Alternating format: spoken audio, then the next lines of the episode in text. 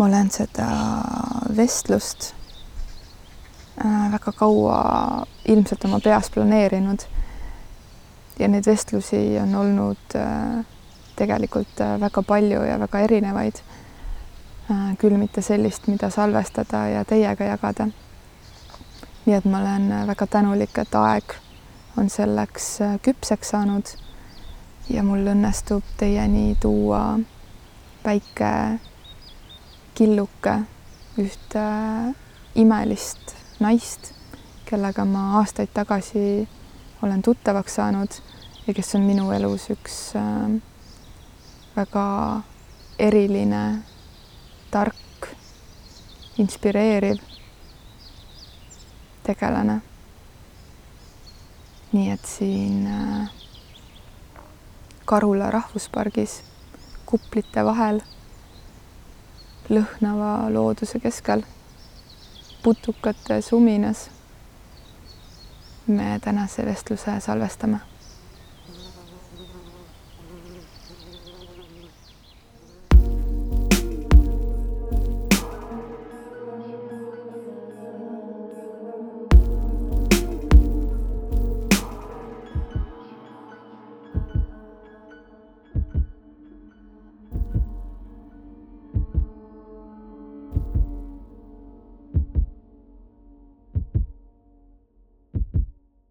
huvitaval kombel on niimoodi, et, et kui ma siia sinu juurde sõidan, ma ei teagi, mitu korda ma nüüd olen käinud, ikka kuskil viie kandis kokku või rohkem, siis, siis ma tõesti alati tulen mingit erinevat teed pidi ja see GPS ka ei näita mulle alati ühte teed.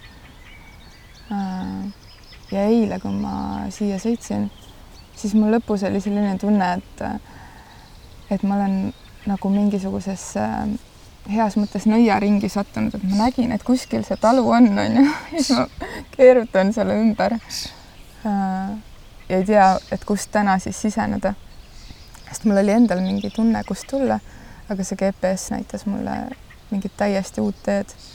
nii et eile ma tulin veel sellist äh, teed mööda, kust ma mitte kunagi varem ei olnud tulnud aga hea, et ma kohale jõudsin. see on nagu see hea raamatu lugemine, et mm, -hmm. et, äh, et iga kord, kui loed, siis, siis saad sealt erineva informatsiooni. et vahest leiad äh, noh, õige koha kohe üles ja, ja, ja noh, tegelikult teedki suvalisest kohast lahti ja siis saad selle õige koha. et see mõnede asjadega ongi niimoodi, et need iga kord on nagu näitavad ennast erinevast küljest vastavalt sinule, mis sinu sees toimub ja vaata, kui oleks auto veel katki läinud, siis oleks sealt ka lugeda saanud mm. -hmm. ma jõudsin selle peale mõelda, sest et äh, ma oleks pidanud Viljandis kütust panema. aga ei pannud, nii et ma olen väga põnevil, mis tagasiteel saab. Antslas on kütust aga me istume siin praegu peenarde vahel. selja taga on meil kurgirohi. apelsinimünt. apelsinimünt hakkab pihta. jalge, jalge all on kurgi, kurgirohi ja ees on? ees on meliss ja seal on must münt. nii et äh, kui keegi kuulajatest äh, siiamaani pole aru saanud, kellega ma siin taimede vahel istun,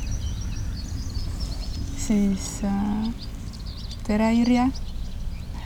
kas, kas enamik inimesi Eestis teab sind nime järgi Irje Karjus või ikkagi Metsamoori nime järgi? ja ma ei tea, kuidas nad mind teavad. mis sa arvad? see pole tegelikult üldse tähtis et äh, kui ma mingi aeg kasutasin ainult Metsamoori nime, kui ma kuskil mingit oma tegevust välja kuulutasin, siis nüüd ma kasutan rohkem, rohkem oma nime, päris seda sünninime ja siis seda, ma ei tea, kuidas nad teavad, et kuidas keegi mm. -hmm.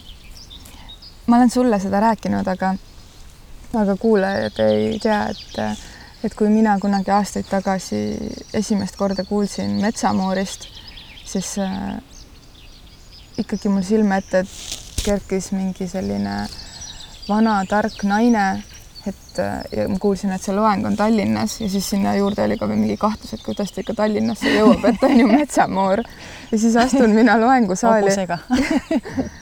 noh, see oleks ka olnud täitsa okei okay,, aga kuidagi mõtlesin, et see metsamoor, et kas ta üldse nagu liigub või, või noh, et mis see tähendab, onju. ja siis astun sinna loengusaali ja siis on mingi täiesti mingi imekaunis noor naine pikkade tumedate juustega, imeilusas kleidis ja siis mina vaatan ringi, jõudsin ka veel esimeste seas, et väga palju rohkem rahvast ei ole, et kus see metsamoor siis on. nii et selline esimene tunne oli selline. aga ega ma nii väga noor ei olnud siis, ma arvan. no oleme, mis see noor on, onju. Mhm. hingelt olen siiamaani noor. ma eile vaatasin seda kaarti, mis mulle toodi ja siis ma, ma tükk aega ei saanud aru, et see mulle on seal on mingi, mingi imelik number peal, ma üldse ei seostanud endaga, ma mõtlesin, kellele see toodud on. ja see kaart äh, on seoses sellega, et äh, Irja on mind ka siia VTK-de alla kutsunud sellepärast, et, äh, et on viiekümnes juubel, juubelinädal. poolsada. et see täitsa kõlab uskumatult. ma täitsa saan aru su sellest kaardi üllatusest. vaatad nagu võõrkeha, mulle küll see kaart ei ole aga meil on saates tavaliselt selline küsimus, millega me alustame. näed, koer sööb kummelit. ah, Sofi, jaa. tahab hoolitsust. Sofi taksikoer on ka meist siin meetri kaugusel, kes äh, närib otse peenrast kummelit äh, et äh, kuna me räägime armastusest, on ju et mis on sinu kõige esimene mälestus, mis kuidagi seostub armastusega, ükskõik, aga lihtsalt selline küsimus. vot meie peres oli noh, mu lapsepõlve peres oli niimoodi, et ega nii nagu Eesti peredes ikka, et, et sa said aru, et sind armastatakse, aga, aga keegi sulle ei öelnud seda nii nagu ütleme inglise keeles see väljend on I love you on ju, I love you söögi ette ja söögi taha on ju et eestlastel sellist asja ei ole, et kogu aeg korrutatakse, kui telefoniga helistatakse, et ma armastan sind, et et see midagi, noh, peab olema muidu mõistetav, et meil ei öeldud, aga aga ma ei tea, kas ma lapsepõlves seda niimoodi tõlgendasin armastusena. ma arvan, ma olin lasteaias juba, olin armunud väikestesse poistesse oma arust aga armumine ei ole ju armastus, et need on hoopis erinevad asjad. et see armastus, armastuse selline väljend tuli ikkagi siis, kui juba oma pere sai loodud, et siis see sihuke pikaajaline selline kogemus tekib. et kui armumine üle läheb, siis tuleb armastus. ja noh, kui ma nüüd tagantjärgi mõtlen, siis ma ju saan aru, et ma oma, oma lähedasi ka armastan, aga ma seda siis ei tõlgendanud niimoodi mm. -hmm. et see see tagantjärgi arusaamine, et mis see armastus on, et see tekib siis, siis kui sa nagu tegelikult ka aru saad, mis asi ta on. et, et siis, kui armumine üle läheb näiteks kahe inimese vahelises suhtes, et siis tuleb armastus. sa saad aru sellest. ja seepärast ma ütlen, et kaks aastat ei tasu rääkida, et ma armastan inimest mm. -hmm. lihtsalt armumise seisund. ja vahest on mõni pahane mu peale, ütleb, mis mõttes, et ma ju tahan temaga olla, ma nii armastan teda aga see tuleb hiljem jah. aga noh, tagantjärgi ma nüüd viiskümmend olen, siis ma ikka mõtlen oma, et mul oli armastuse suhe oma vanemate vastu ja vanavanemate vastu ja ja väga armastan oma lapsi ja oma meest ja.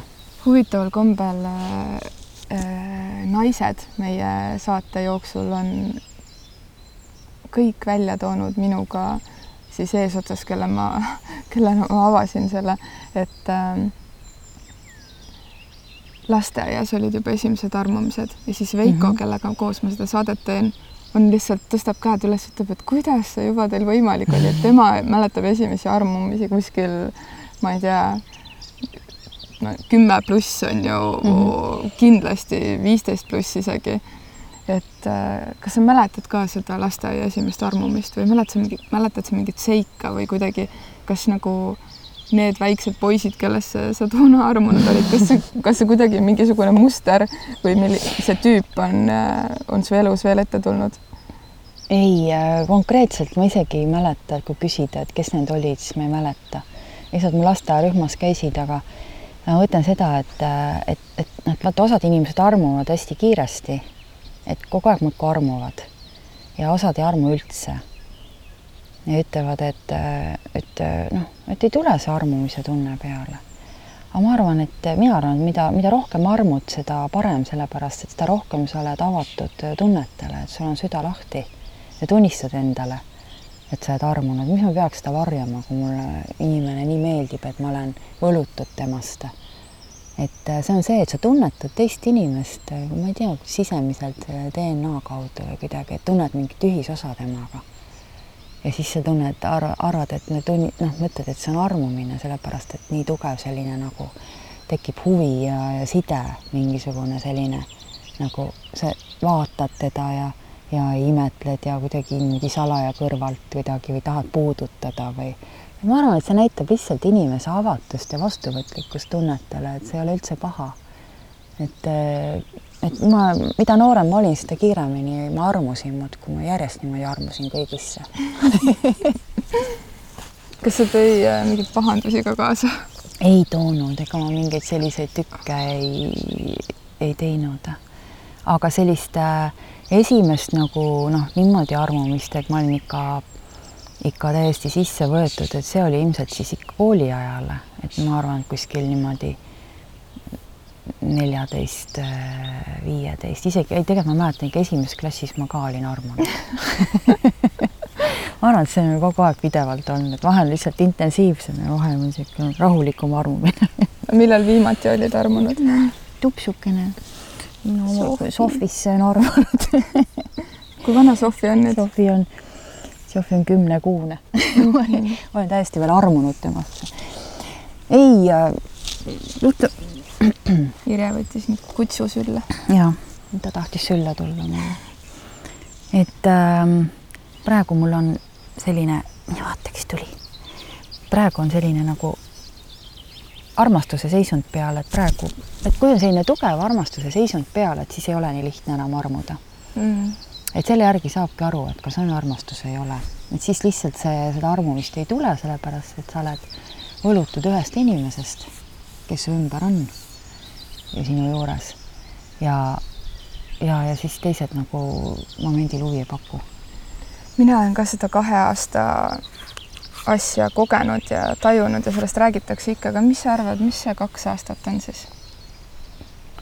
No see kaks aastat on parasjagu see aeg, et sa jõuad kõikide teiste, teise inimeste veidrustega tuttavaks saada, et kõik tuleb välja selle kahe aastaga, et kõik need sellised omapärad ja ja, ja sellised äh, vimp, vimkad ja, ja sellised tema ellusuhtumised ja arusaamised ja kõik tulevad välja selle ajaga.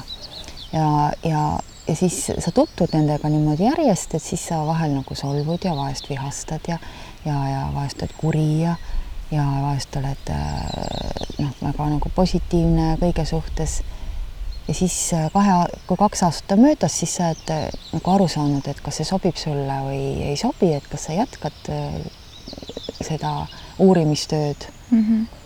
kas sa lähed sügavamale? kas on vajadust sellega edasi tegeleda, ehk siis kas see annab sulle midagi, sest ega meil see armastus on tegelikult oma vajaduste täitmine. Selles mõttes, et sa igast sellest armastusest õpid midagi mis sulle, sinu hingele on vajalik. ja siis selleks ajaks oled sa aru saanud, et kas see annab, täidab sinu seda ülesannet, täita seda vajadust, mis sul on. kas ta toob sinu seest või ammutab sinu seest midagi välja, sellist enneolematut, mida enne välja ei saanud tulla. või sa oled niisuguses, satud sellisesse nagu hästi mugavusseisundisse, et et sul ei olegi nagu midagi sealt enam saada, et sa lihtsalt oleskled ja siis varsti see tüütab lihtsalt ära ja siis sa oled lihtsalt niisugune, elad nagu õde-venda koos ja ja, ja polegi enam nagu suurt midagi teha, sellepärast et nautida, nautida sa saad ka ju siis, et kui on niisugused väiksed nagu tõusud ja mõõnad ja siis on vahest hästi hea ja ja vahest on natuke halvem ja siis, kui läheb halb üles, on jälle hästi hea ja et siis on nagu see, et sa saad aru, et, et areng toimub. Aga kogu aeg on hea, siis noh, mina, see on ilmselt inimestel erinev, aga mind see töötab varsti ära et siis ma hakkan ikkagi mingisugust uut väljundit või sisendit otsima. paljud lähevad ju lahku ka teisel või kolmandal eluaastal onju, et kas mm -hmm. sa usud veel nendesse mingitesse tsüklitesse, et räägitakse seitsmest aastast, kümnest aastast? jaa, kindlasti on, seitse aastat on kindel tsükkel. ja, ja siis kümme aastat on jälle, et hakkab nagu ja tegelikult on seal vahepeal veel selliseid väiksemaid murdepunkte. aga tavaliselt on niimoodi, see on hästi erinev äh, vanuses, see armastus ja armumine vahekord. et kui sa oled noor ja, ja sa oled kaks aastat inimesega koos olnud, et siis on tavaliselt lapsed ka tehtud juba ja siis on väga raske lahku minna, sellepärast et äh, sa oled seotud nii tugevalt teise inimesega ja sa pead arvestama veel ühe hingega, kes sõltub teist. Ja siis on see otsus on raskem. et kui lapsi ei ole, siis minnakse ruttu lahku, kaks aastat on mööda saanud. aga kui on laps juba, et siis äh, hakatakse mõtlema, et, et, et, et kas see nagu on kasulik, just selle kasulikkuse peale mm. -hmm. et kas see, kuidas see laste, lapsele mõjub ja nii edasi aga kui on vanem, inimesed ju arm-, noh, armuvad ja armastavad vanemalt ka, et kui on juba sellised esimesed armastused mööda saanud, et äh, siis sa saad aru, et äh, just nimelt seda arengu aspektist, et, et kas see inimene äh, on võimeline arenema koos sinuga, mitte muutuma, vaid arenema just. Ja, ja kas, kas sinul on see kasulik, see suhe? Kas ta, kas ta õpetab sulle midagi või kas ta, kas ta lahendab sinu sees mingi probleemi ära ja kas sa, kas sa suudad õppida teise inimesega seda ühist armastuse keelt rääkima, neid armastuse keeli on ju mitu. et kas sa räägid seda, on teile, teine inimene võimeline sinuga ühte keelt rääkima või ei ole, et siis tekib niisugune nagu huvi juba.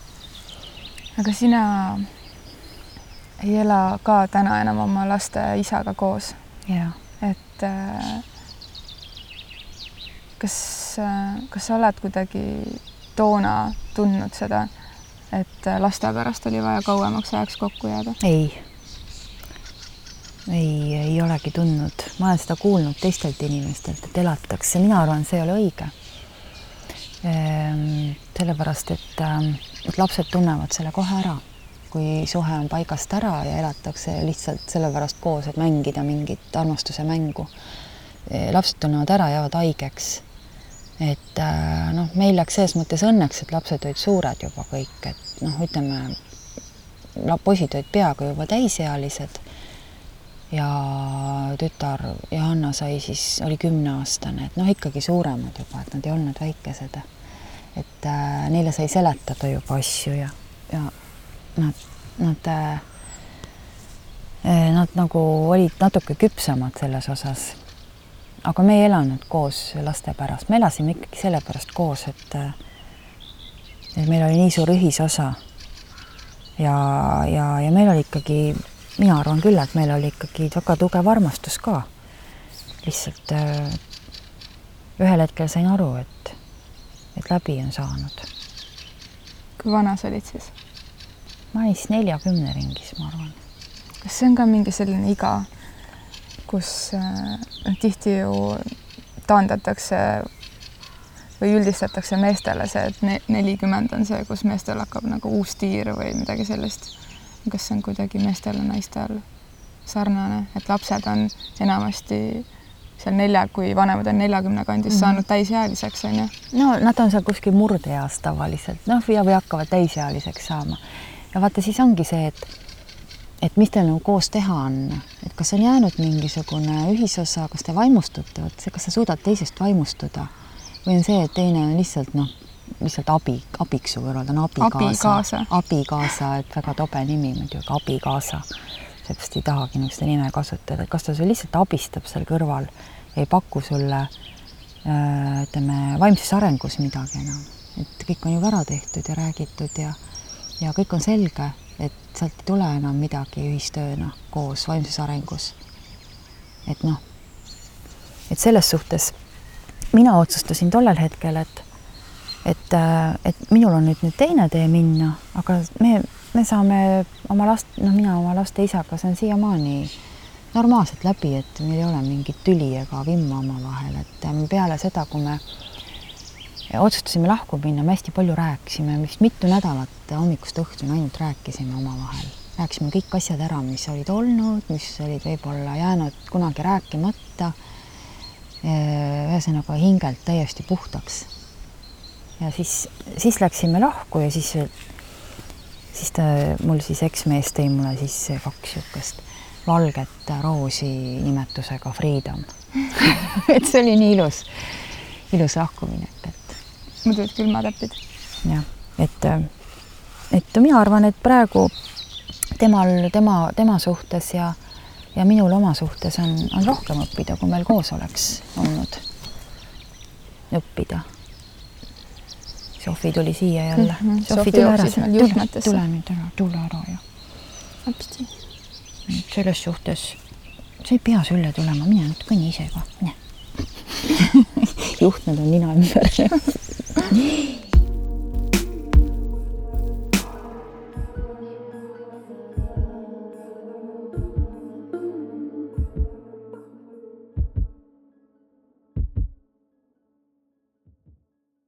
ma lihtsalt äh, tean, et äh, üks osa meie kuulajatest on äh, naised. Enamik neist, ma arvan, tänasel päeval, kuigi ka väga palju mehi on nii tagasiside kui kõige mõttes meiega ühendust võtnud.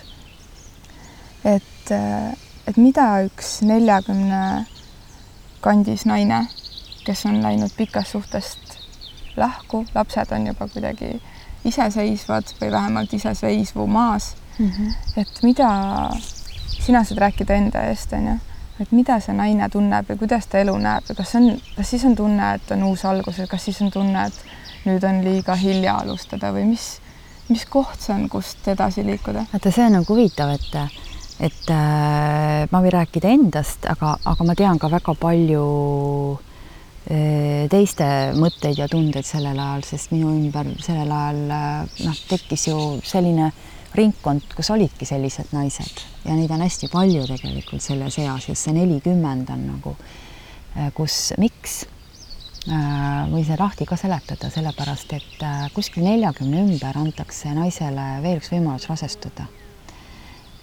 tavaliselt noh, ta jääbki viimaseks raseduseks ja see võib olla siis naisele kas selle, selle vana suhte siis nagu Eh, noh, need mõlemad paarid, paarilised võivad siis mõelda, et see on nagu vana suhte selline nagu leevendus või, või, või, või püütakse nagu mingi uus selline algust teha selle vanale suhtele, tavaliselt see ei, ei lähe nii, nagu loodetakse.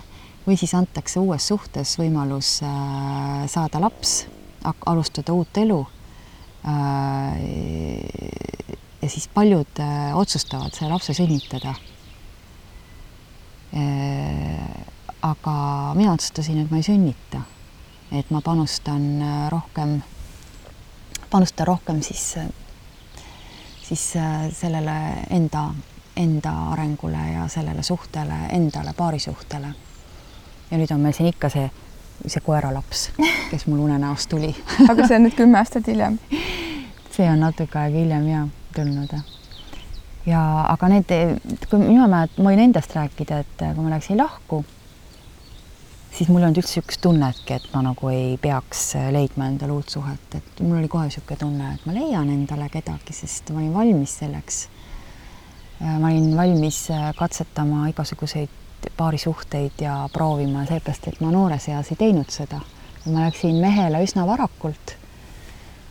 ja, ja, ja ma ei saanudki niimoodi ringi vaadata ja kuigi mul oli kavaler hästi palju, aga ma nendega nagu ei elanud koos, lihtsalt käisin ja siis see neljakümneselt oli nagu uus ring, et siis ma sain katsetada igasugu huvitavaid selliseid paarisuhteid.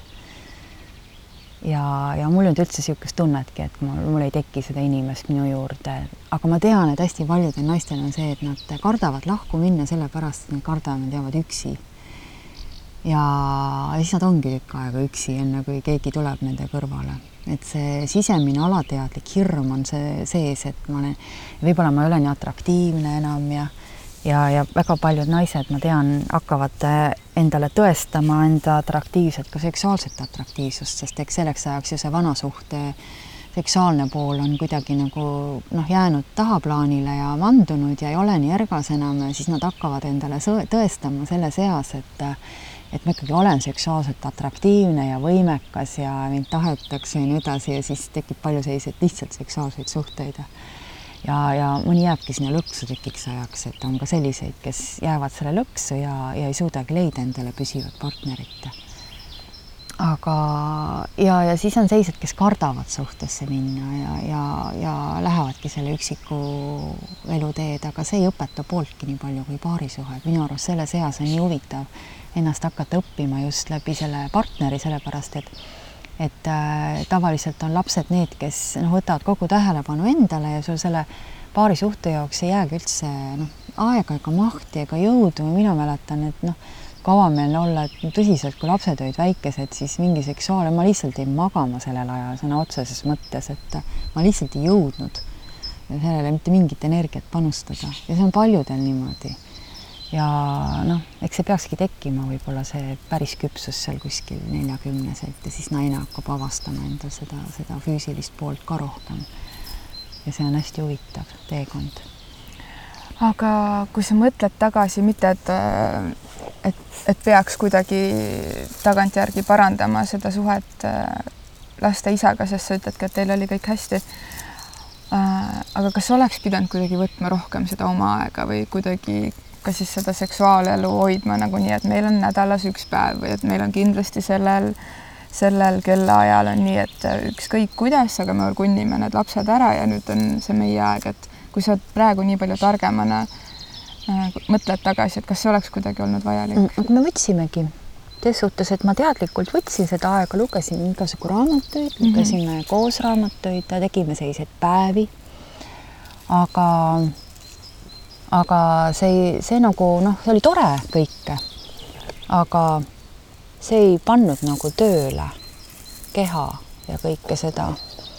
et see läks nagu kohe üle, kui see päev mööda sai ja rutiini tagasi läksid. ja mis ma pärast mõtlen, pärast mõtlesin, et see, need kogemused, mis ma sain, ma poleks elu sees selliste asjade peale tulnud, kui ma oleks selles samas suhtes edasi olnud ma ei oleks elu sees mõelnud neid asju välja, kui ma poleks saanud kogemusi teiste, ütleme, paarisuhetega. ma ei oleks saanud aru, äh, miks mehed vahest niimoodi käituvad, nagu nad käituvad või on või kuidas need sellised konfliktid tekivad või või miks ma ennast niimoodi tunnen, miks, miks tema ennast niimoodi tunneb. ma sain seda läbi selle, et mulle anti super õppetunde omal nahal kogeda seda kõike seda teise poole nagu sellist äh, kogemust selles eluetapis.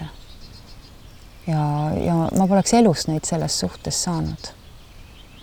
sina oled ka üks neist naisi, nendest naistest, keda ma tohutult imetlen, sellepärast ka, et, et sa tõesti kuidagi oskad igasuguseid nii-öelda raskusi või mida teised äh, inimesed enamjaolt äh, ütlevad, et täna oli nii halb -hmm. päev või et täitsa lõpp, kui halb asi minuga juhtus, et sa kuidagi oskad seda alati näha õppetunnina. kas see on sul eluaeg nii olnud? Äh, küllalt kaua jah. see ühel hetkel äh, tekkis see teadlikkus, kus ma hakkasin lastele ka rääkima, et äh, kui midagi juhtub, esimene asi, küsimus, miks. et, et see on kõige tähtsam ja kõige, kõige tähtsam aru saada sellest, et, et okei okay,, et tagajärgi võid pärast ka likvideerida aga et see küsimus, miks, et see nagu tuleb automaatselt, et ja see ongi huvitav, see on ju noh, kui midagi juhtuks, siis sa ei saakski aru, mis toimub. toimub protsess, mingi arenguprotsess või ei toimu. aga kui sul juhtub neid asju, siis sa ju kohe saad ja vahest need arusaamised on ikka noh, vapustavad, on ju. et sa mõtled, et kuidas see võimalik on, et sellised asjad toimuvad. ja noh, isegi tavalised mingisugused solgitoru ummistused ja mis ellu tulevad või, või mingid masinad ei tööta või lagunevad või et kuidas see on võimalik, et niimoodi siis jälle ja pidevalt mm -hmm. ühel hetkel saad aru ja siis enam ei toimu sellist asja. et neid ummistusi just nimelt, et neid koduseid ummistusi likvideerida on alati selles mõttes põnev, et et see on nagu nii arendav protsess, et et äh, sa saad aru, et äh, kui palju seda solki ja sitta su elus tegelikult läbi jookseb.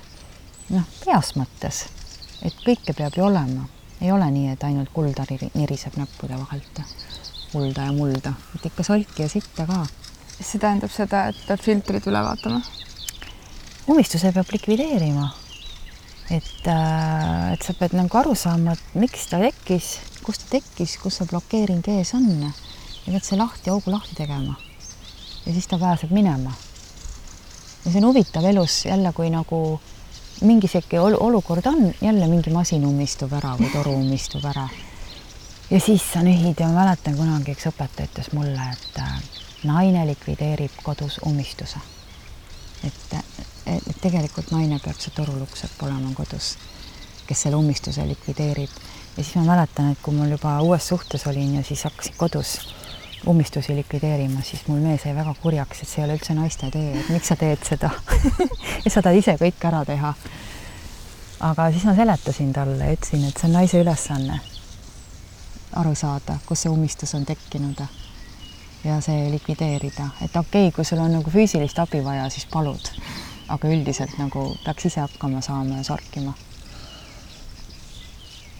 sa ütlesid enne, et äh, meeste kohta, et, et aru saada, et miks need mehed sellised on. mis sa mõtled selle all, millised nad on? no teistmoodi kui naised mm, -hmm. mõtlevad teistmoodi.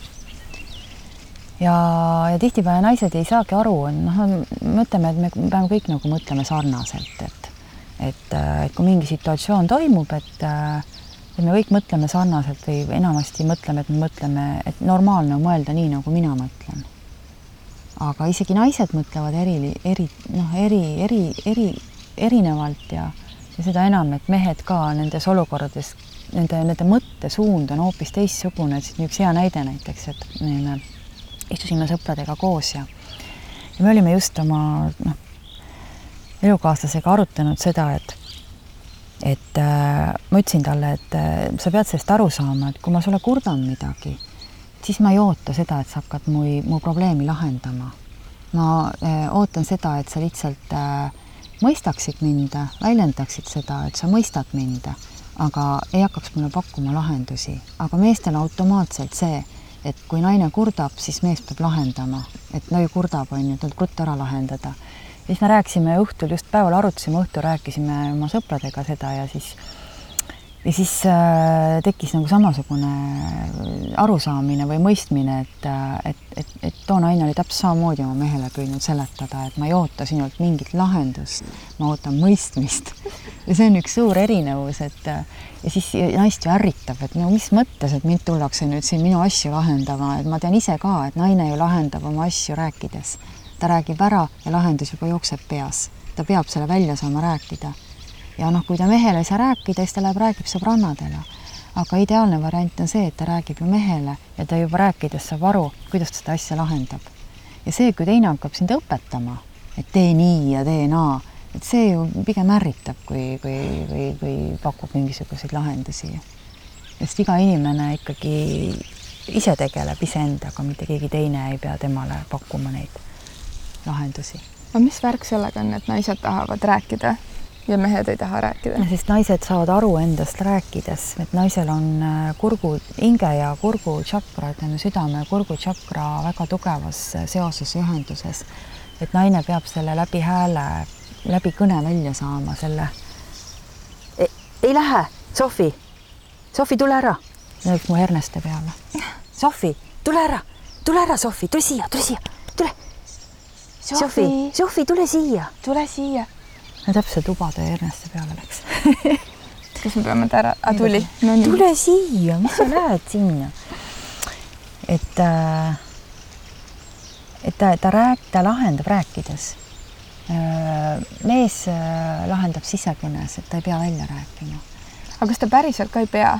et e, oleneb sellest, kui palju tal seda naiselikku alget sees on, et see on erinev, et mida rohkem on mehes seda naiselikku poolt, seda me võtame selle ingi ja yangi võtame, on ju, võtame naiselik ja mehelik pool, on ju, seda rohkem ta avab ennast rääkides. aga kui tal ei ole seda, siis ta on kinnine, tal on noh, selles mõttes, et ta võib lahendada, aga ei pruugi, sest no ütleme, rääkides sa ikkagi hästi palju mõistad ennast ise ka. Me oleme öelnud selle, seda saadet tehes ka, et et üks põhjus, miks me seda teeme, on see, et et me ei ole kunagi öelnud, et me teame midagi kellestki paremini või mis iganes, aga et meil on julgus kuidagi arutleda äh, habrastel teemadel, mis ühiskonnas võib-olla on kuidagi ära pandud mingisugusesse mm -hmm. riiulisse, mida ei ole nii paslik kasutada või, või ei ole moes rääkida tunnetest. et siis kõik need inimesed, kes, ähm, kes ise ei taha rääkida meid kuulates, neid, neid lugusid kuulates saavad vähemalt kaasa mõelda, siis on tunne nagu räägiks või et äh, keegi räägib sulle vastu. ja see suhte teema, see armastus on ja armumine on ju põhilised asjad, mis tekitavad ka füüsilisi haigusi. sest kõik haigused ikkagi taanduvad lõpuks suhetele. et läbi suhete sa õpid ja läbi suhete sa lahendad tule sulle kas sul on kuidagi mingisuguseid äh, näiteid tuua inimestele ka? mul on kõik näited on sealt, mul ei olegi nagu kuskilt mujalt näiteid võtta kõik näited lõpuks taanduvad suhetele. et kas need on suhted siis paarisuhted või ütleme, laste ja vanemate vahelised suhted, ka mitte väikeste laste, vaid täiesti täiskasvanud ja juba nii-öelda keskeas laste suhted oma vanematega või siis äh, suhted äh, töökaaslastega, sõpradega, kõik taandub suhetele lõpuks. Sealt tekivad emotsioonid, sealt tekivad tunded, kui me üksi kuskil koopas elaks, siis noh, me oleks suht suva, äh, mis teised arvavad või teevad, et me arvestaks sind iseendaga. aga kuna sotsiaalses ühiskonnas me arvestame teistega, siis me elame teistega koos ja õpime läbi teiste, et siis absoluutselt kõik meie probleemid, mis meil tekivad läbi närvikava ja emotsioonide, absoluutselt kõik on seotud suhetega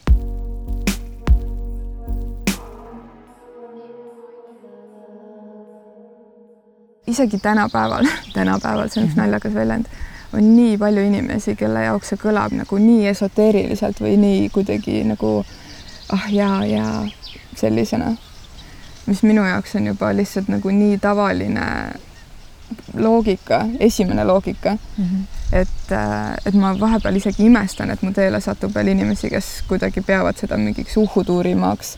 et mis sa sellest arvad?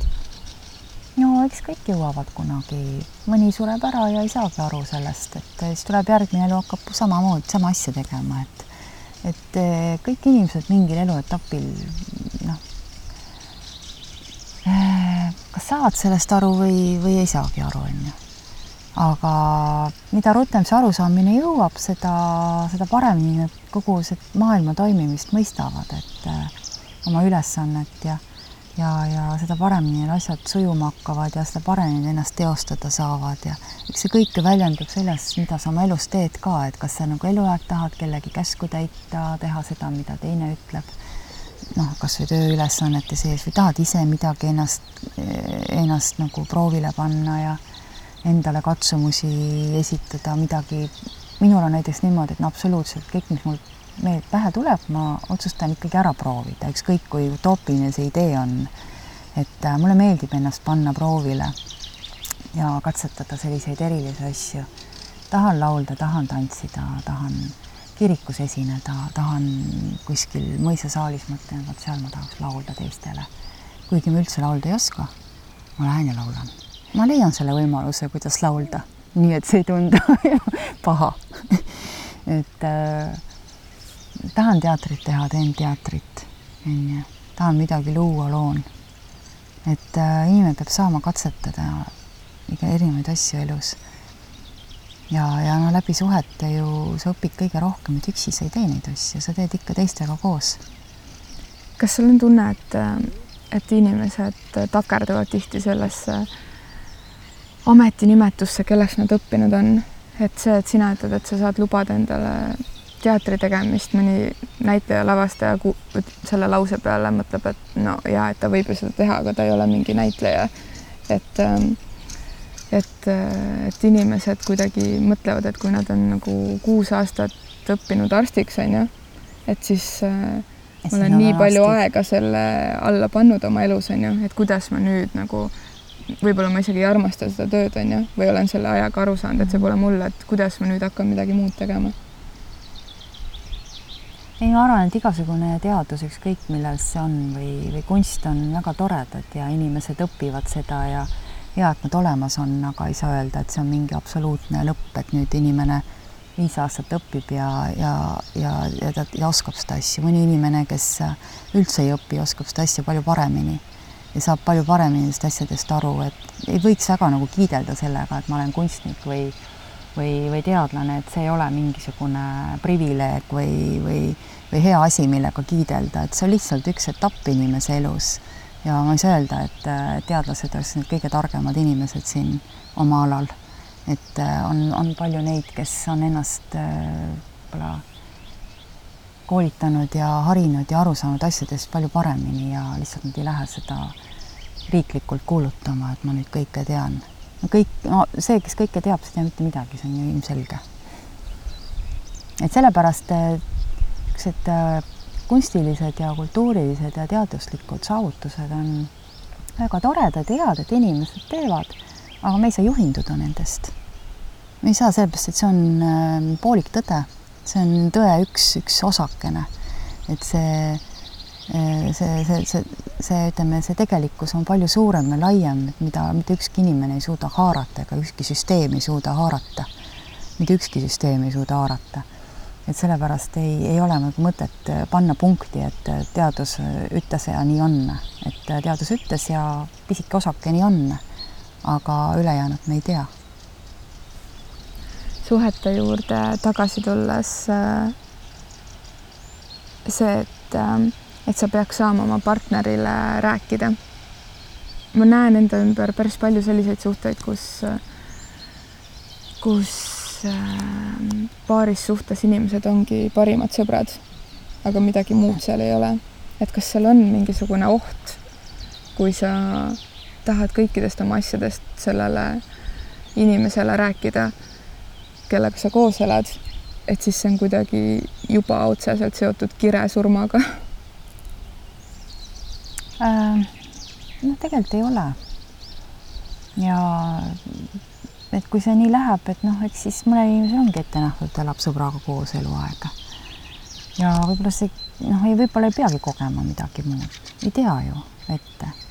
et oleneb, mis sa ise tahad, kui sa ise tunned ennast hästi, oled õnnelik, sulle sobib see, sa õpid sellest, et siis on ju see viljakas suhe, et ükskõik, et kas sa nagu selle, selle, sellepärast teed midagi, võtad midagi muud ette, on ju. aga, aga mina arvan, isiklikult mina arvan seda, et, et on, on, on selliseid asju, mida su paariline ei pea teadma, et see ei pea olema täiesti nagu avatud leht, et on mõned asjad, mis sa peaksid endale, võiksid endale jätta, on mõned asjad, mida sa jagad oma siis sõbrannadega või, või, või teiste sõpradega, inimestega. Et ei pea kõike teadma ja minul mees ütleb ka kihvtilt, et, et, et, et ikka veel sa ütled mulle niisuguseid asju, mida sa varem pole öelnud, et miks sa kõike kohe ära ei räägi.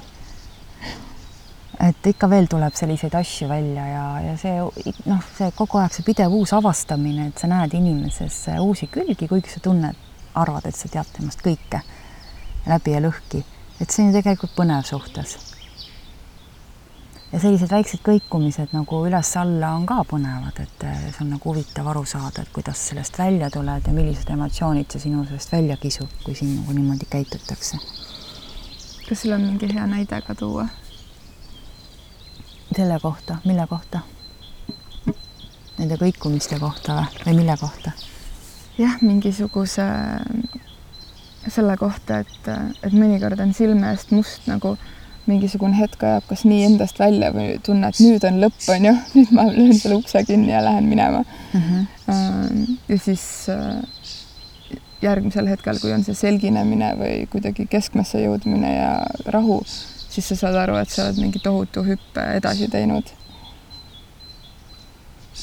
Ja et see enda avastamine pidevalt sellistes situatsioonides, et äh, noh, meil on küll praegu näiteks meil ükskord kuskil keset Türgi mingi suurt linna ja ja, ja siis äh, mees tahtis mul nagu ühele poole minna, aga mina tahtsin nagu, mul olid teised huvid, ma tahtsin teisele poole minna ja ja, ja siis äh, ta hakkas minuga peale siis natuke nagu häält tõstma, et et miks ma teda ei usalda ja miks ma ei lähe sinna, kuhu tema tahab ja ja ma läksin siis nii närvi, et hakkasin niimoodi kätega vehkima ja nagu kana kaagutama hästi häälega ja ma olin nii närvis, et ma raputasin teda ja siis ta jäi niimoodi, kuna ta enne oli hästi pahane, siis ta jäi niimoodi üllatunud seisma ja lihtsalt naeris mu peale.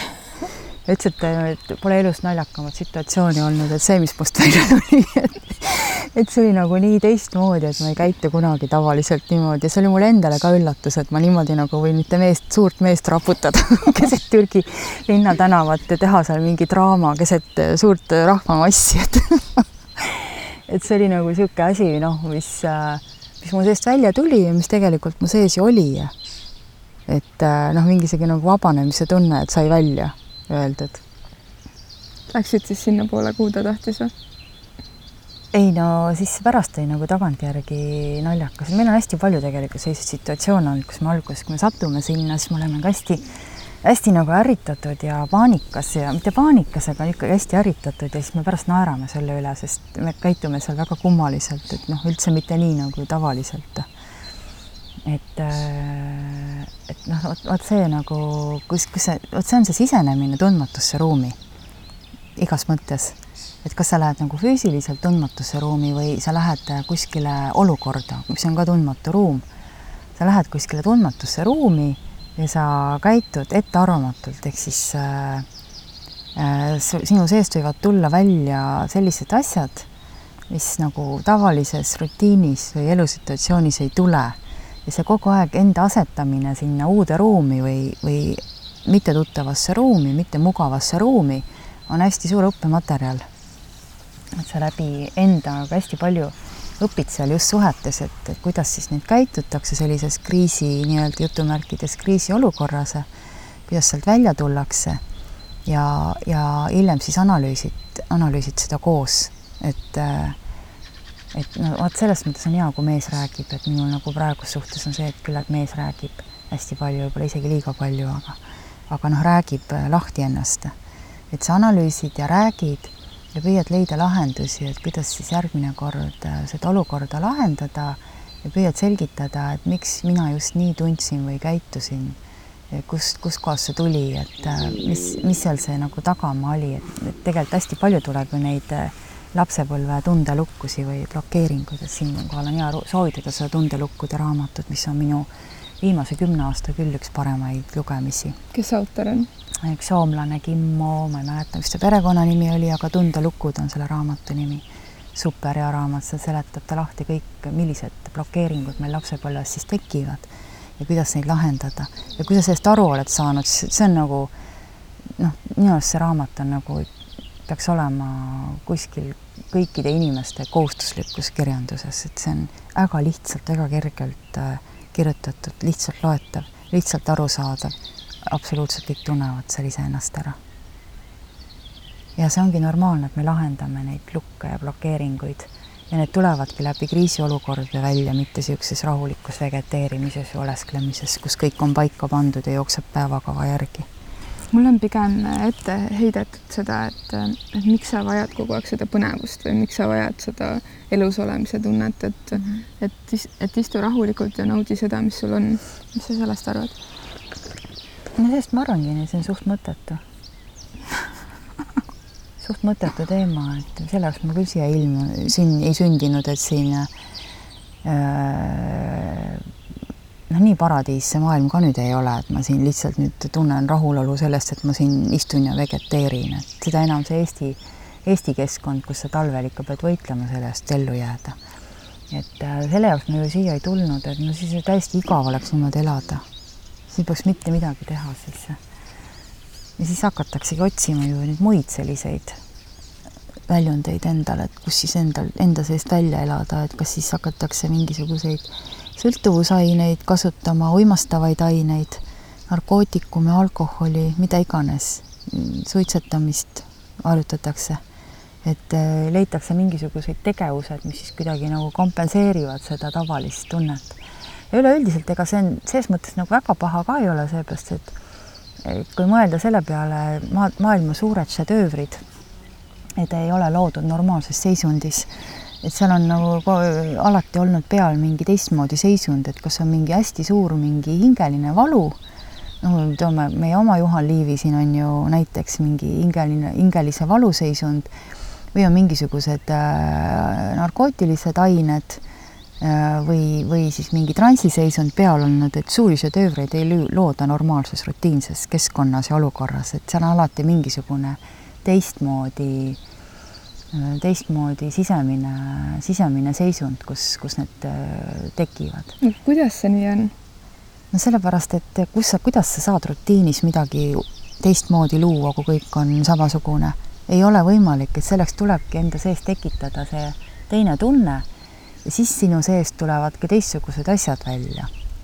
ja noh, kui meil ei oleks neid noh, mis iganes, kõik need, ütleme, suured kunstnikud ja ja, ja, ja kes on midagi teinud, teadlased, nad on kõik siuksed veidrikud ja nad ei ole ju päris in, tavalise inimese suhtes normaalsed, nad on siuksed veidrikud ja nad on loonud ja kogu maailm ju elab nende loomingu najal, ehk siis äh, et me, me räägime veel aastasadu hiljem sellest, mida nad tegid. aga ma ei usu, et nad väga õnnelikud olid. mis siis? Äh, omamoodi nad olid õnnelikud, mis siis, et nad ei elanud võib-olla kullas ja karras ja sellel hetkel ei nautinud seda, aga see loomeseisund igal juhul oli õnneseisund, kui nad lõid. et võib-olla see kaalub üles kõik selle tavalise rutiinse elu, mida me siin elame aastaid-aastaid ühtemoodi kui see, et sa saad nautida seda hetke, kus see looming tekib. Nemad on ennast ohvriks toonud, et kõik teised saaksid inspireeruda kuidagi sellest. ma arvan, et see, see nagu nende poolt vaadatuna ei ole ohvriks toomine.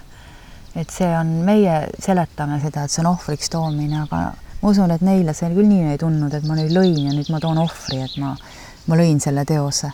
et see, selles seisundis nagu ma arvan, ei tunta ennast sellise ohvrina, et et, äh, et kui me võtame näiteks noh, võtame needsamad hullumaja kandidaadid on ju, kes ma tean küllalt palju minu tutvusringkonnas inimesi, kes käivad aeg-ajalt päevases hoolduses seal nii-öelda siis kosumas.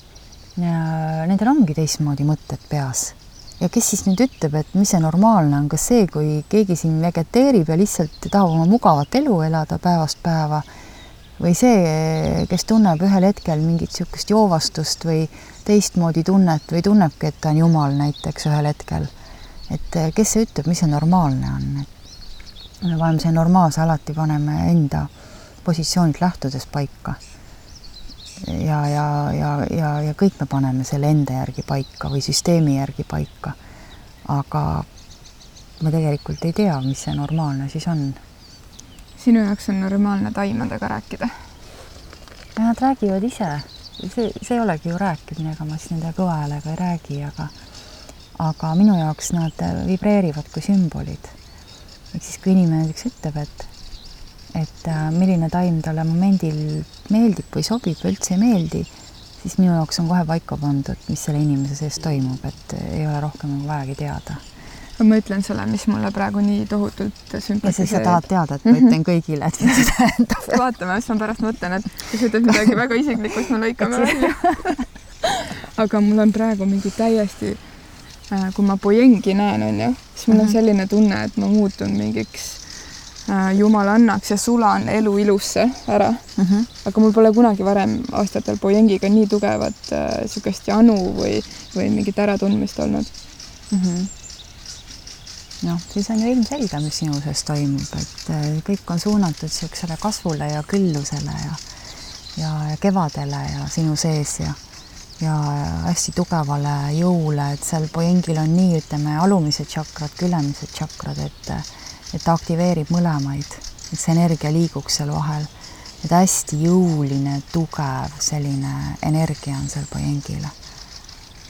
et, et see, kui noh, et inimesed, kes, kes vaatavad ja imetlevad pojengi, et et sealt tuleb nii palju energiat, et see, et see ongi, ongi normaalne, et sulle pojeng meeldib, et ebanormaalne on see, kui sulle ei meeldinud enne või muljet ei avaldanud. Kas taimed on ka sinu armastus? ma arvan küll et ma olen nendega nii tugevalt seotud, et, et äh, et huvitav niisugune üks mu kohtumine oli ühel hetkel, ma ei mäleta, kus ma olin ja siis keegi tuli, ütles mulle midagi ja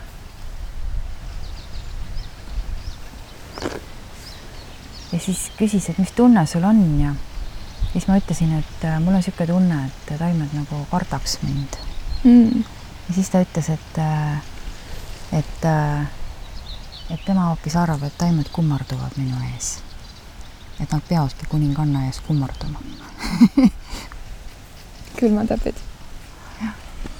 et ähm, Nad on jah, ja vahest mul inimesed ütlevad, kuidas nad sul siin mingi niisuguse pinnase peal kasvavad, et nad ei peaks siin üldse kasvama.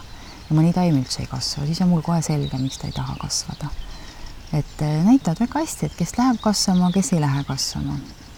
kas mingi looduslik taim on sul täitsa akna alla või ukse juurde ka trüginud ja on olnud mingi suur äratundmine või mõistmine sellega? no ikka neid tuleb ega mul on ka niimoodi, et mul on nagu erinevad suhted erinevate, erinevatel aastatel nendega, jälle sõltub sellest, et millised suhted sinu enda sees on, et mis sinu enda sees toimib, et et mille poole sa siis äh, püüdled või mis sulle praegu aktuaalne on, et et eelmine aasta näiteks mul koirohuga oli hästi selline tugev suhe. et koirohtu ma proovisin ja katsetasin ja vaatasin ja imetlesin ja ta kasvab, kasvas mul ka hästi jõudsalt. ja, ja iga aasta nagu mingid, üle-eelmine aasta oli metsmaasikas, näiteks mul õuemuru oli metsmaasikaid täis. lihtsalt kasvas mulle siia igale poole ette. et äh, noh, tulevadki erinevalt, et kõiki neid saab seletada, ükski taim ei ole, ei ole paha, aga sa seletadki seda suhet enda sees läbi taime, et milline protsess nagu, nagu ma õpilastele ütlen ka, et et, et kui me hakkame kahe aasta pärast räägime niimoodi, et, et, et, et kuule, et sa oled täna angervaks ja sul on täna nurmenukk peal, et siis me kõik mõistame, et mis teise sees on, et rohkem sõnu pole vaja. või, või sul on münti vaja, siis kõik saavad aru, mis teil teisel on, et ei pea rohkem seletama. et see sümbolite keel, et see on ikka nii vahva, mis sealt tuleb. kuidas sul see tunne on, et kas need eestimaised taimed on kuidagi loodud rohkem eestlastega suhtlema ähm, kui, kui näiteks mingid džunglitaimed või, või kuskil. loomulikult. aga see, et kui me tarbime neid taimi, mis tulevad kuskilt mujalt, et Sille Poola vist kunagi oli see, kes ütles, et et mis te sööte neid välismaiseid puuvilju kogu aeg ja siis Sille Poola ütles, et mis mõttes välismaiseid, me oleme kõik ühel planeedil, mhm. on ju, maa. et mitte midagi, mis siin planeedil kasvab, ei ole välismaine mm. -hmm. et, äh, et kuidas sa taimede tarbimisse just sellises globaalses mõttes äh, suhtud? aga see on hästi individuaalne, ma arvan, et äh, vaata, kui me vaatame inimesi, siis osad ongi niisugused globalistid. et neil läheb hästi palju korda, mis maailmas toimub ja, ja teised on jälle sellised, kes nagu tegelevad sellega, mis nende ümbrus, ümber toimub. ja kolmandad on sellised, kes tegelevad võib-olla ainult iseendaga sa valid selle taime ka selle järgi, et, et mis sulle rohkem sobib, et mis, mis sind nagu rohkem kõnetab, milline keskkond selle järgi. et noh, ma vaatan, et need inimesed, kes äh, hästi palju nagu kasutavad või lähevad ise järgi nendele viljadele või taimedele, et ta, tavaliselt tuuakse vilju, mitte taimi, taimi nüüd harvem, vilju tuuakse. et nad on ise ka rohkem nagu sellise globaalsema mõtteviisiga, et nad äh, rändavad palju ringi ja, ja, ja neid huvitab rohkem siis kogu maailm. aga mina olen, mina olen praegu selles elus küll sellel arvamusel, et et kui ma siia sündisin, siis hästi tore oleks aru saada, et mis siin minu keskkonnas toimub. et mulle meeldib reisida ka ja siis ma vaatlen imetlen neid taimi ka. ja ma arvan, et kui mõnda aega sa elad juba kuskil keskkonnas, eks siis ongi õigem mitte siit endale taimi tellida sinna pidevaks söömiseks, vaid süüa ikkagi neid taimi ja kasutada, mis seal keskkonnas kasvavad, et see on hästi keskkonnaga seotud.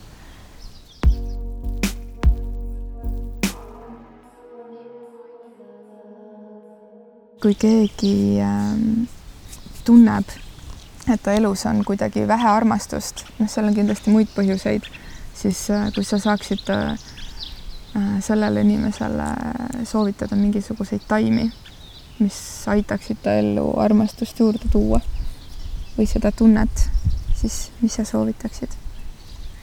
see on jälle hästi erinev inimestel. mõnel on vaja täiesti sellist tähelepandamatut taime, mida keegi teine ei näegi muru sees. aga, aga mõni tahab niisugust natuke nagu niisugust silmapaistvat taime. noh, minu, minule endale hästi nagu kütab üles või sobib kibuvits, metsik kibuvits, et see on tõesti, et, et kui sa lähed alasti jalutad seal kibuvitsa põõsaste vahel ja korjad neid õisi ja nuusutad neid lihtsalt, ei peagi korjama, lihtsalt nuusutad. et siis see on nagu hästi selline mis tekitab pojeng täpselt samamoodi, kui pojengid õitsevad, on ju, nurmenukk täpselt samamoodi armastusega seotud. et äh, kõik sellised äh, hästi minu, kui mina olen õhumärked, siis kõik sellised hästi aromaatsed ja ja erksad, erksavärvilised taimed sobivad mulle hästi, et see visuaal ja lõhna pool on hästi olulised. aga näiteks ma tean, et on inimesi, kes ütlevad, et need, need tahavad ainult kibedaid taimi mul oli siin üks naisterahvas, kes ütles, et jumala eest, et ära, ära seda kibuvitsa eemale sellega, ta ei taha seda, et anna, tahavad, mida mõrudam, seda parem. Ja siis sa saad aru, mis inimese sees äh, toimub, kuigi ta hästi palju rääkis armastusest, aga aga mis seal sisemuses toimub. räägib armastusest, ta tunne on niisugune, et nagu ei ole seda.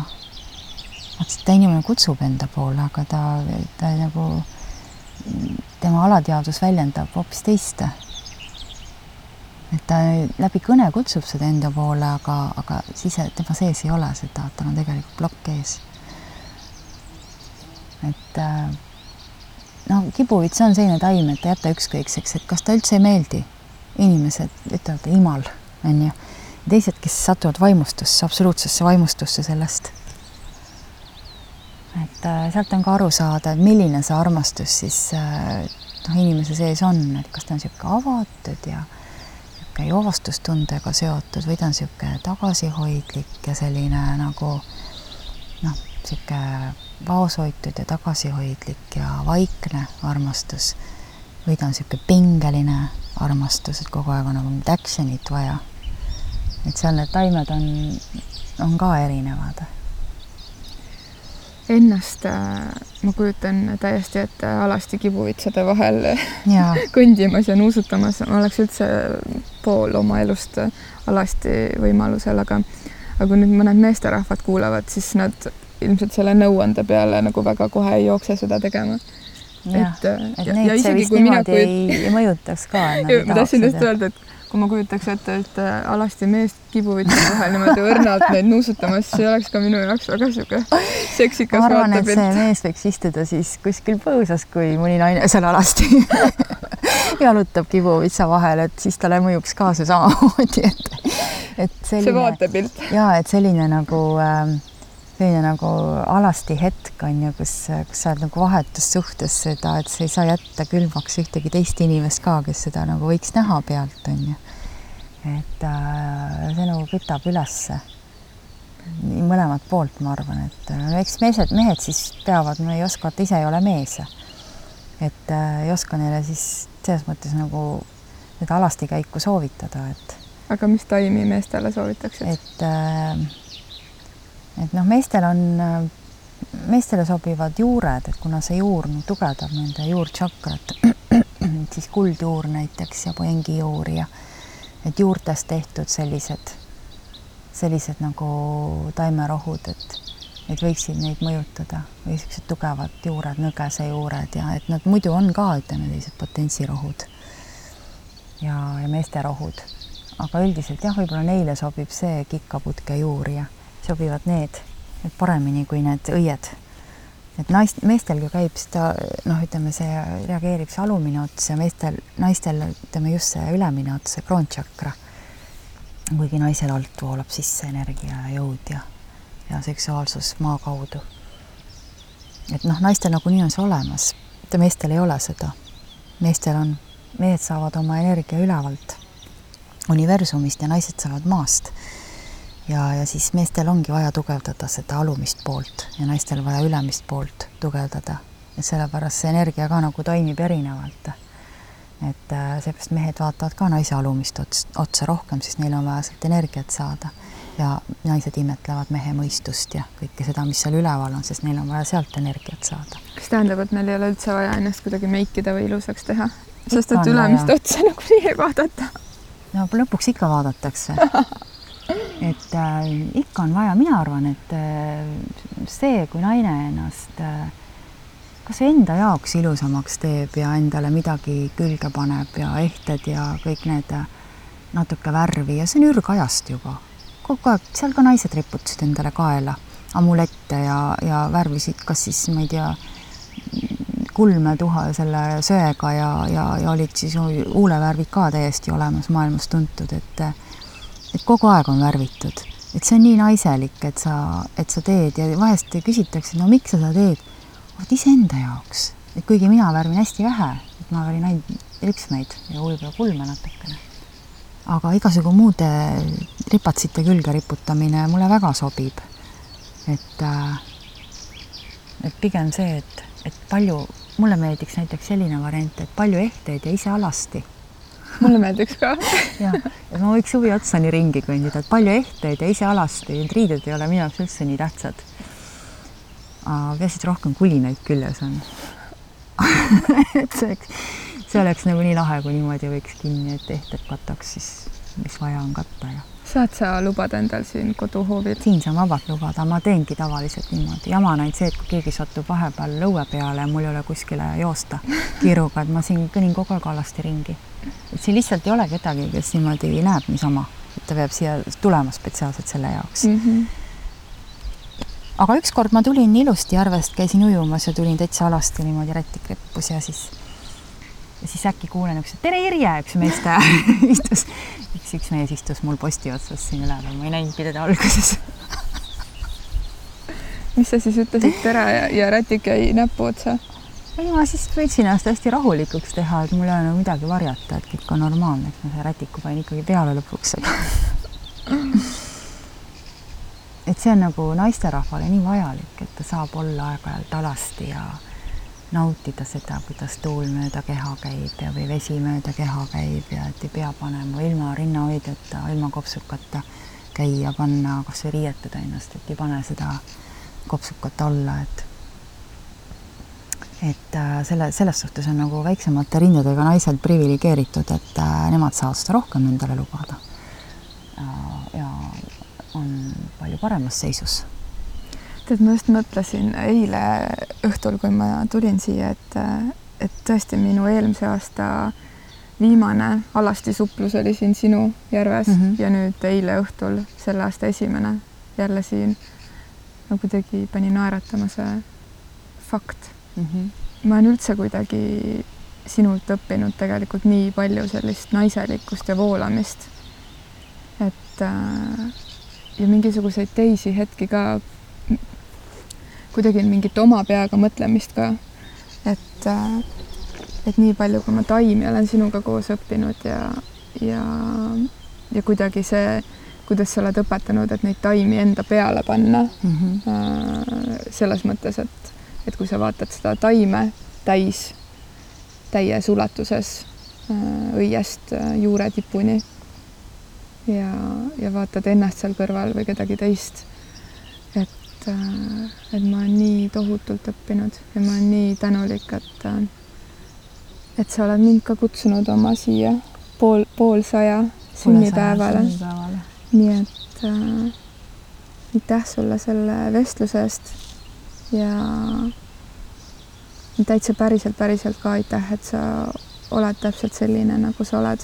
minu jaoks nii mõnusas tasakaalus sellise vaimse ja siis füüsilise maailma vahel, et ma väga hindan seda, kuidas sul on kaks jalga maa peal ja, ja tundled nii kõrgel igal pool laiali universumis.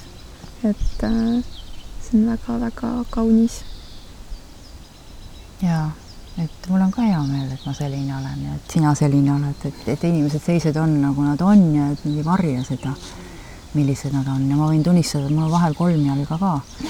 ma tunnen ennast ikka vahel nagu mees kuigi ütlevad, et noh, et see naiselik pool on minus suur, aga, aga vahel ma käitun nagu mees ja tunnistan seda, et vot see hetk peabki niimoodi käituma.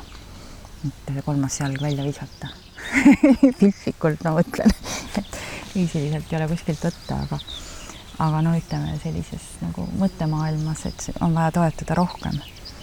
et siis, et kui inimesed olekski sellised, nagu on ja ei nagu ei püüaks seda varjata, vaid tegeleksid sellega, selle arusaamisega, et miks nad on sündinud siia sellised, nagu nad on. et siis ma arvan, et see elu oleks veel huvitavam, kui ta praegu on, et siis oleks seda, seda inimeste tegelikku palet rohkem näha, et praegu meil nii palju maske ees kõigil, et et vahest läheb tükk aega, enne kui need maskid ära saad arutada sealt teiselt, et sealt tuleb see päris olemus välja. Aga õnneks, õnneks ma olen omandanud selle oskuse näha sinna maskide alla ja ma saan kohe aru, kellega on tegemist. noh, põhimõtteliselt nagu mitte päriselt, aga, aga nii suures plaanis. et see on niisugune hea tunne, et kindel tunne, et sa tead, keda sa lased enda ligi ja, ja osadest hoiad lihtsalt eemale, selles elus pole vaja ja osadest inimest tulebki eemal hoida. täitsa julgelt, ei ole vaja kõiki lubada enda ellu. Kõlab väga-väga tervislikult, mis sest, et äh, mõjus äh, karmilt. karmilt, kõlab ja. väga tervislikult. aitäh sulle. aitäh sulle ka äh,. tunnen, kuidas Sohvi on püherdanud siin taimede sees ja ta on nagu neid äh, eeterlikke õlisid taimedes äh, kuidagi vaata üles kütnud, et äh, mõnus. ta ise, ta ise lõhnab, ta ise lõhnab ka nagu apelsinmünte ma arvan, et see on kõige parema lõhnaga koer praegu. koeralõhn sai just uue tähenduse. oh, aitäh, aitäh, aitäh ja. Lähme nüüd süüa tegema. ja lähme süüa tegema, sest et äh, pidulised on varsti saabumas. jah